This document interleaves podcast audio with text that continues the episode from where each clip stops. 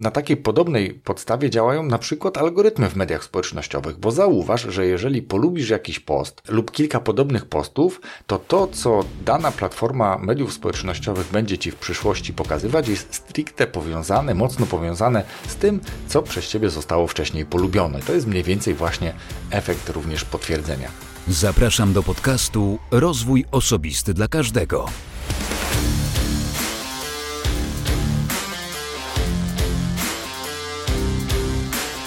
Cześć, ja nazywam się Wojtek Struzik, a Ty słuchać będziesz właśnie 185 odcinka podcastu Rozwój Osobisty dla Każdego, który nagrywam dla wszystkich zainteresowanych świadomym i efektywnym rozwojem osobistym. Dzisiaj kolejny odcinek solowy, zaraz powiem Ci o czym on będzie, ale przypomnę, że w 184 odcinku mówiłem o liderze, o dobrym liderze, czyli jakim liderze i to było wynikiem wystąpienia, które miałem w tydzień poprzedzający nagranie tamtego odcinka. To mnie zainspirowało do tego, żeby się też podzielić tym na łamach podcastu. I ku mojemu zaskoczeniu ten odcinek bardzo dobrze się przyjął, więc chyba treści związane z liderem, z przywódcą, czy też z przywództwem będą się jeszcze tu pojawiały, ale dzisiaj zupełnie inny materiał, więc jeśli odcinka 184 nie słuchałeś, nie słuchałaś, to gorąco do tego namawiam. Podziel się też swoją opinią o tym, czy ten odcinek trafia w Twoje potrzeby. I będzie mi też niezmiernie miło widzieć na przykład na Instagramie, że dzielicie się tym, że słuchacie podcastu Rozwój Osobisty dla Każdego, bo oznaczacie na przykład Rozwój Osobisty dla Każdego na Instagramie albo chociażby podcast Porady, gdzie bardzo często e, jestem ostatnio. Chociaż ostatnio może mniej w ogóle jestem, ale tam jeśli już mam gdzieś być, to właśnie na podcast Poradach na Instagramie. No dobrze, to tyle tytułem wstępu, co było tydzień temu, w piątek, w 184 odcinku. Dziękuję również patronom za to, że są, bo najliczniejsza grupa patronów to patroni, którzy wspierają mnie niemalże od samego początku, co mnie bardzo cieszy i bardzo, bardzo naprawdę Wam wszystkim dziękuję. Dziękuję za wyrozumiałość, cierpliwość, całe wsparcie i motywację, którą mi dajecie. I jak tylko uporam się ze swoimi bieżącymi rzeczami, to wracamy do spotkań online. E, więc bardzo dziękuję raz jeszcze za całe wsparcie i to, że jesteście ze mną, ale też namawiam do tego, że jeżeli ty chcesz dołączyć do grona patronów, to wejdź po prostu na stronę patronite.pl łamane przez ROTK i wybierz tam dogodny dla siebie próg wsparcia. Dla mnie będzie to także jasny sygnał, że podcast podoba się i chcecie, aby on dalej się rozwijał, dalej e, funkcjonował, był obecny i aby mógł na łamach tego podcastu dzielić się z Wami, ale także na łamach podcastu bajkowego co tydzień publikować nowe bajki, których szukanie jest dosyć trudne, więc jeśli znasz kogoś, kto pisze bajki, na przykład bajki do szuflady, z którymi nic później się nie dzieje, znasz taką osobę, to proszę powiedz jej, że ja chętnie przeczytam takie bajki, takie opowiadania w bajkowym podcaście. To tak tytułem trochę reklamy drugiego podcastu. No dobrze, ale przejdźmy do rzeczy, przejdźmy do treści odcinka 185. Błędy poznawcze, bo to temat dzisiejszego odcinka, ale nie jestem w stanie e, rozwinąć tego tematu albo inaczej, nagrać odcinka o wszystkich błędach poznawczych, dlatego że jest ich takich bardzo popularnych, jest ich kilkadziesiąt, natomiast według opracowania, na które kiedyś dotarłem i jak je znajdę, to również podlinkuję w opisie tego odcinka e, podcastu, ale tam e, osoba, która prowadziła badania na błędach poznawczych, zdefiniowała blisko 300 takich błędów, więc ja skupię się dzisiaj na takich siedmiu najczęstszych, wydaje mi się, subiektywnie wybranych też tak naprawdę, ale takich, które pozwolą zbudować sobie jakieś wyobrażenie o tym, co to jest błąd poznawczy. Na końcu dam też oczywiście literaturę, do której można zajrzeć, namawiam oczywiście do tego, żeby trochę zagłębić się z tym tematem, bo wierzcie mi, wiele tych błędów e, można e, patrzeć na nie trochę z innej strony w momencie, kiedy znamy e, podłoże, wiemy jak to działa, wiemy jak to na nas działa, jak my reagujemy wtedy na taką sytuację i możemy reagować, być po prostu bardziej świadomy. Oprócz tego, że znajomość błędów poznawczych może cię przed kilkoma błędami czy decyzjami błędnymi uchronić, to też zwrócił na to uwagę sam Elon Musk, który na łamach swojego konta na Twitterze opublikował post, który mówi o 50 błędach poznawczych, które według niego powinny być uczony, czy o nich powinno uczyć się dzieci w szkole. Ja w opisie tego odcinka zamieszczę również link do tego wpisu. Jest tam piękna infografika, co prawda w języku angielskim, ale myślę, że ona również jest w stanie wiele wyjaśnić w kontekście błędów.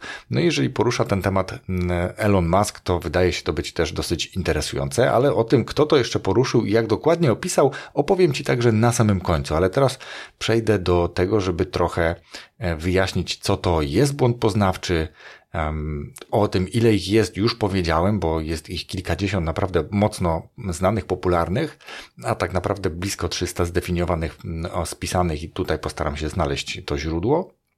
A później omówię Ci kilka subiektywnie wybranych, myślę, że dosyć interesujących. No dobrze, co to jest błąd poznawczy w takim razie?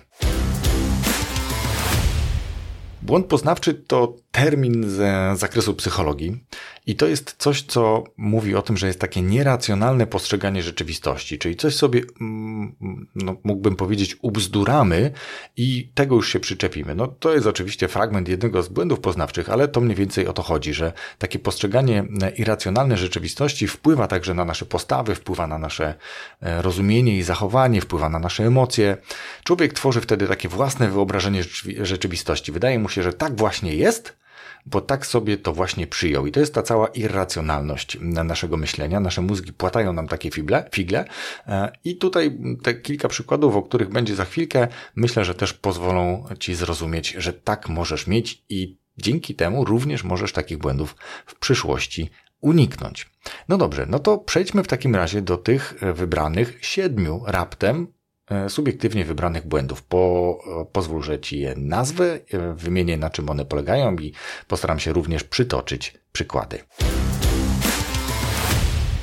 Pierwszym efektem, o którym chcę Ci powiedzieć, to efekt potwierdzenia.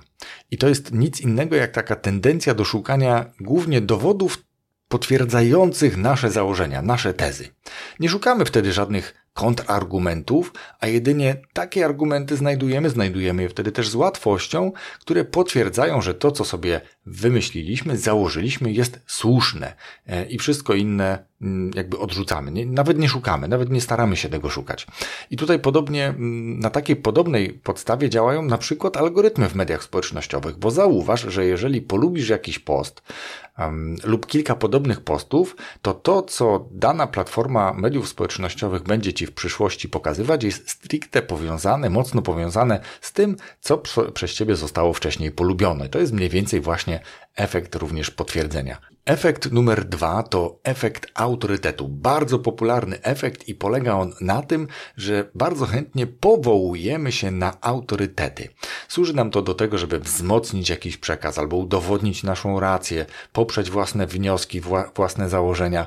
Chętnie powołujemy się na cytaty takich osób, na, odnosimy się do ich badań i to podnosi jakby rangę naszej wypowiedzi, ale też bardzo często jest to mm, złudne i powoduje, że jeżeli nie mamy świadomości tego, to bardzo często możemy popadać właśnie w taki efekt autorytetu błędnie, tak? Czyli takie ślepe wierzenie e, w nieomylność tego autorytetu. I tu wystarczy na przykład, że mm, pojawi się w sali e, osoba w białym kitlu naukowca i będzie nam mówić jakieś rzeczy, które wydają się być nieracjonalny, ale on to mówi z przekonaniem, ma biały kitel, więc zaczynamy wierzyć w to, co on mówi, no bo przecież wygląda na naukowca i zapewne nim jest. E, to samo z lekarzami. Jeżeli wejdzie ktoś do gabinetu i zacznie um, nie wiem, prosi nas o to, żeby się rozebrać do badania, to my się możemy od razu zacząć rozbierać, przy czym to wcale nie musi być lekarz, wystarczy, że ma biały kitel i my od razu ulegamy, posłusznie wykonujemy takie polecenia.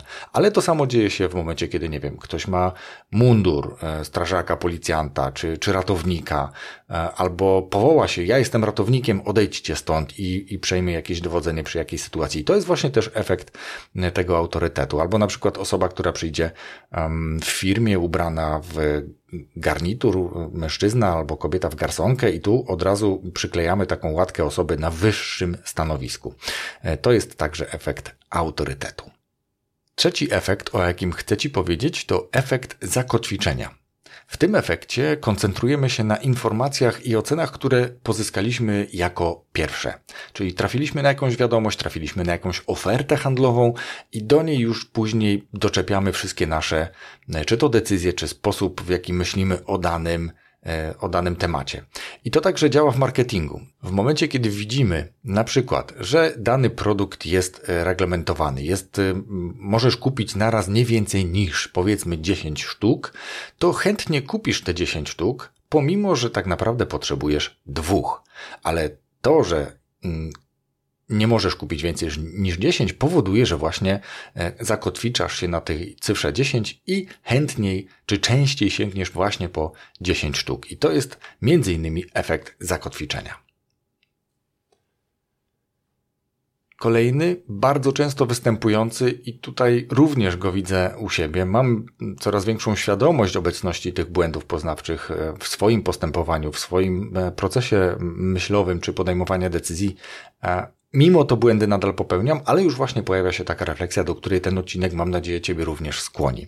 Tym efektem czwartym jest efekt ślepej plamki. Śmiesznie się nazywa, ale tak naprawdę jest to niezauważanie własnych błędów, ale wytykanie błędów u innych. Tych samych błędów tak naprawdę. Nie wiem, e, Pierwsze, co mi przychodzi do głowy, to na przykład, kiedy jedziesz, e, prowadzisz samochód i nagle coś się dzieje na drodze, wyrywa ci się Mm, oczywiście impulsywnie e, jakiś epitet w stylu jak jeździsz matole, jak jeździsz pacanie, przy czym tak naprawdę ten ktoś wykonał manewr, który ciebie po prostu zaskoczył, ale sam nieraz mogłeś czy mogłaś dokładnie taki sam manewr wykonać, albo nie wiem, e, niezbyt dobrze zaparkować. I tu mi się od razu przypomina na takich osiedlach, szczególnie na nowych osiedlach, czasami pojawiają się tacy policjanci, którzy na, e, zwracają uwagę w różny sposób, na przykład na, nie wiem, grupie na Facebooku takiego osiedla, wrzucając zdjęcia, że dany samochód krzywo zaparkował i utrudnia parkowanie innym pojazdom. I okej, okay, to niby nie jest nic złego, przy czym ta osoba wielokrotnie również staje właśnie dokładnie w taki sam sposób, jak wytyka to innym kierowcom. I to jest właśnie efekt ślepej plamki. Podobnie można zaobserwować to, że w momencie, kiedy obserwujesz coś w mediach społecznościowych, powiedzmy, że jesteś twórcą i patrzysz na jakiś post i widzisz w tym poście już jakieś błędy, a to to jest tu nie tu umieszczone, a ten kolor powoduje, że ten tekst nie jest widoczny i tu już jakby pojawia się taka krytyka, przy czym warto wtedy zobaczyć na swoje posty, czy aby nie zdarza się również tak, że my taki błąd popełniamy. No dobrze, to był czwarty efekt e, ślepej plamki. Co będzie piątym efektem? Dla odmiany będzie to efekt kontrastu. Efekt kontrastu polega na zwiększeniu albo umniejszeniu cech danego przedmiotu. Tutaj dla przykładu podam coś, co kiedyś widziałem w pewnym programie, gdzie rodzina, para lub osoba chce kupić jakąś nieruchomość. Powiedzmy, że chce kupić mieszkanie. I pokazuje się takiej osobie mieszkanie, które spełnia jakieś kryteria ogólne, które ta osoba zdefiniowała, i widzimy, że w pierwszym mieszkaniu ewidentnie owszem, jest metraż, jest lokalizacja, ale to mieszkanie jest na, na, przykład w niezbyt dobrej kondycji. Widać, że jest troszkę zaniedbane, że trzeba tam trochę włożyć e, pieniędzy w remont tego mieszkania, ale powiedzmy, że jest to pierwsza propozycja. Druga propozycja, no centralnie mieszkanie, które spełnia wszystkie nasze e, założenia, wszystkie te E, zdefiniowane punkty dla nas istotne. Jest lokalizacja, jest e, akceptowalna i powierzchnia, i cena, i jakość jest w środku całkiem niezła. Wszystko nam naprawdę pasuje. I trzecie mieszkanie, takie już naprawdę e, z poziomu takim, takiego ekskluzywnego, gdzie to mieszkanie znowu spełnia warunek wielkości, lokalizacji, ale jest naprawdę cena kosmiczna. I to jest innymi efekt kontrastu, gdzie pokazujemy bardzo zaniedbane mieszkanie, bardzo odpicowane mieszkanie i to pośrodku, które pasuje nam mniej więcej najbardziej. Albo jeszcze inaczej to przedstawię. Mm, powiedzmy, że mamy salon samochodowy, plac z autami i stoją samochody marki, nie wiem, Bentley, jakieś naprawdę ekskluzywne marki i wśród nich stoi nagle, nie wiem, Opel Insignia. I on klasą odstaje i ceną również odstaje. I teraz cena tego Opla Insignia na tle tych wszystkich ekskluzywnych marek wydaje się naprawdę bardzo tania. Ale jeżeli tym samochodem wyjedziemy i wjedziemy do alejek, do alejki, gdzie stoją same Ople Insignia, to się może okazać, że cena tego samochodu jest zdecydowanie wyższa niż inne Ople Insignia, które stoją w rzędzie. I to jest również efekt kontrastu. Wtedy na tym się zaczepiamy. No dobrze. To był piąty efekt, efekt kontrastu, zostały nam w tym odcinku jeszcze dwa efekty, które chcę Ci przybliżyć. Szóstym efektem będzie efekt aureoli, inaczej zwany też efektem halo. I to jest coś, co powinno Ci się skojarzyć z odcinkiem o pierwszym wrażeniu. Nie wiem, czy go mm, słuchałeś, słuchałaś, ale nagrałem już ładnych kilka tygodni temu odcinek o tym, że pierwsze wrażenie jest ważne. Dlaczego mówię o odcinku o pierwszym wrażeniu? Dlatego, że efekt aureoli polega właśnie na tym, że przypisujemy cechy drugiej osobie w oparciu o pierwsze wrażenie. Dlatego istotne jest, jak my na tym pierwszym wrażeniu wypadniemy, tak? Czy jak, jak się będziemy zachowywać, jakie wrażenie właśnie odniesie druga osoba w kontakcie z nami. Jeżeli to wrażenie będzie dobre, to w późniejszych relacjach, w późniejszych kontaktach ta osoba będzie miała skłonność przypisywania nam właśnie dobrych cech z uwagi na to, że dobrze wypadliśmy podczas tego pierwszego wrażenia. Z kolei Odwrotnie będzie, jeżeli to pierwsze wrażenie będzie negatywne, choćbyśmy nie wiadomo jak się starali i próbowali odwrócić to, co wtedy nam się nie udało na tym pierwszym spotkaniu, no to już niestety te cechy negatywne, które wtedy się pojawiły, które wtedy e, zaprezentowaliśmy sobą, będą nam przypisywane e, w późniejszych kontaktach, przy okazji późniejszych kontaktów. Dlatego efekt aureoli, efekt halo jest istotny właśnie w kontekście pierwszego wrażenia. I siódmy efekt, ostatni dzisiaj, to efekt czystej ekspozycji. Na czym polega ten efekt? Otóż jest to efekt, który skłania nas podświadomie do tego, abyśmy coś na przykład polubili tylko dlatego, że bardzo często to widzimy lub słyszymy. Czyli tak jak ja na przykład co tydzień publikuję nowy odcinek podcastu, Zakładam, że potencjalnie możesz mnie słuchać co tydzień, a zatem od 180 kilku tygodni słyszysz mnie co tydzień. Zakładam, że naprawdę dobrze mnie już znasz i być może nawet lubisz z racji właśnie na to, że ulegasz efektowi czystej ekspozycji. Ja mam nadzieję, że odrobinę jednak lubisz to, co e, prezentuję tutaj na łamach tego podcastu, a nie jest to tylko i wyłącznie efekt czystej ekspozycji. Ale to też y, może być, przychodzi mi tutaj e, do głowy taki zabawny cytat. E, link do tego fragmentu także zamieszczę w opisie tego odcinka podcastu, bo wydaje mi się to być zabawny jak najbardziej na miejscu. A cytat pochodzi z filmu Race i brzmi mniej więcej tak, że mnie podobają się melodie, które już raz słyszałem. To przez reminiscencję, bo jak może mi się podobać piosenka, którą słyszę pierwszy raz? No i właśnie tak jest. Innymi przykładami tego efektu mogą być także na przykład takie nachalne niemalże kampanie w mediach społecznościowych, czy reklamy w telewizji, w radiu, które non-stop słyszymy albo non-stop widzimy do tego stopnia, że zaczyna nam się to gdzieś podobać i ulegamy takiej presji. Być może nawet nie tyle zaczyna nam się to podobać, co czujemy potrzebę chęć skorzystania z tego produktu czy tej usługi i ulegamy właśnie takiej reklamie, która pojawia się bardzo często. Na początku być może nas to ignoruje, denerwuje, później to staramy się ignorować, a później gdzieś właśnie poprzez ten efekt czystej ekspozycji również stajemy się na przykład klientem.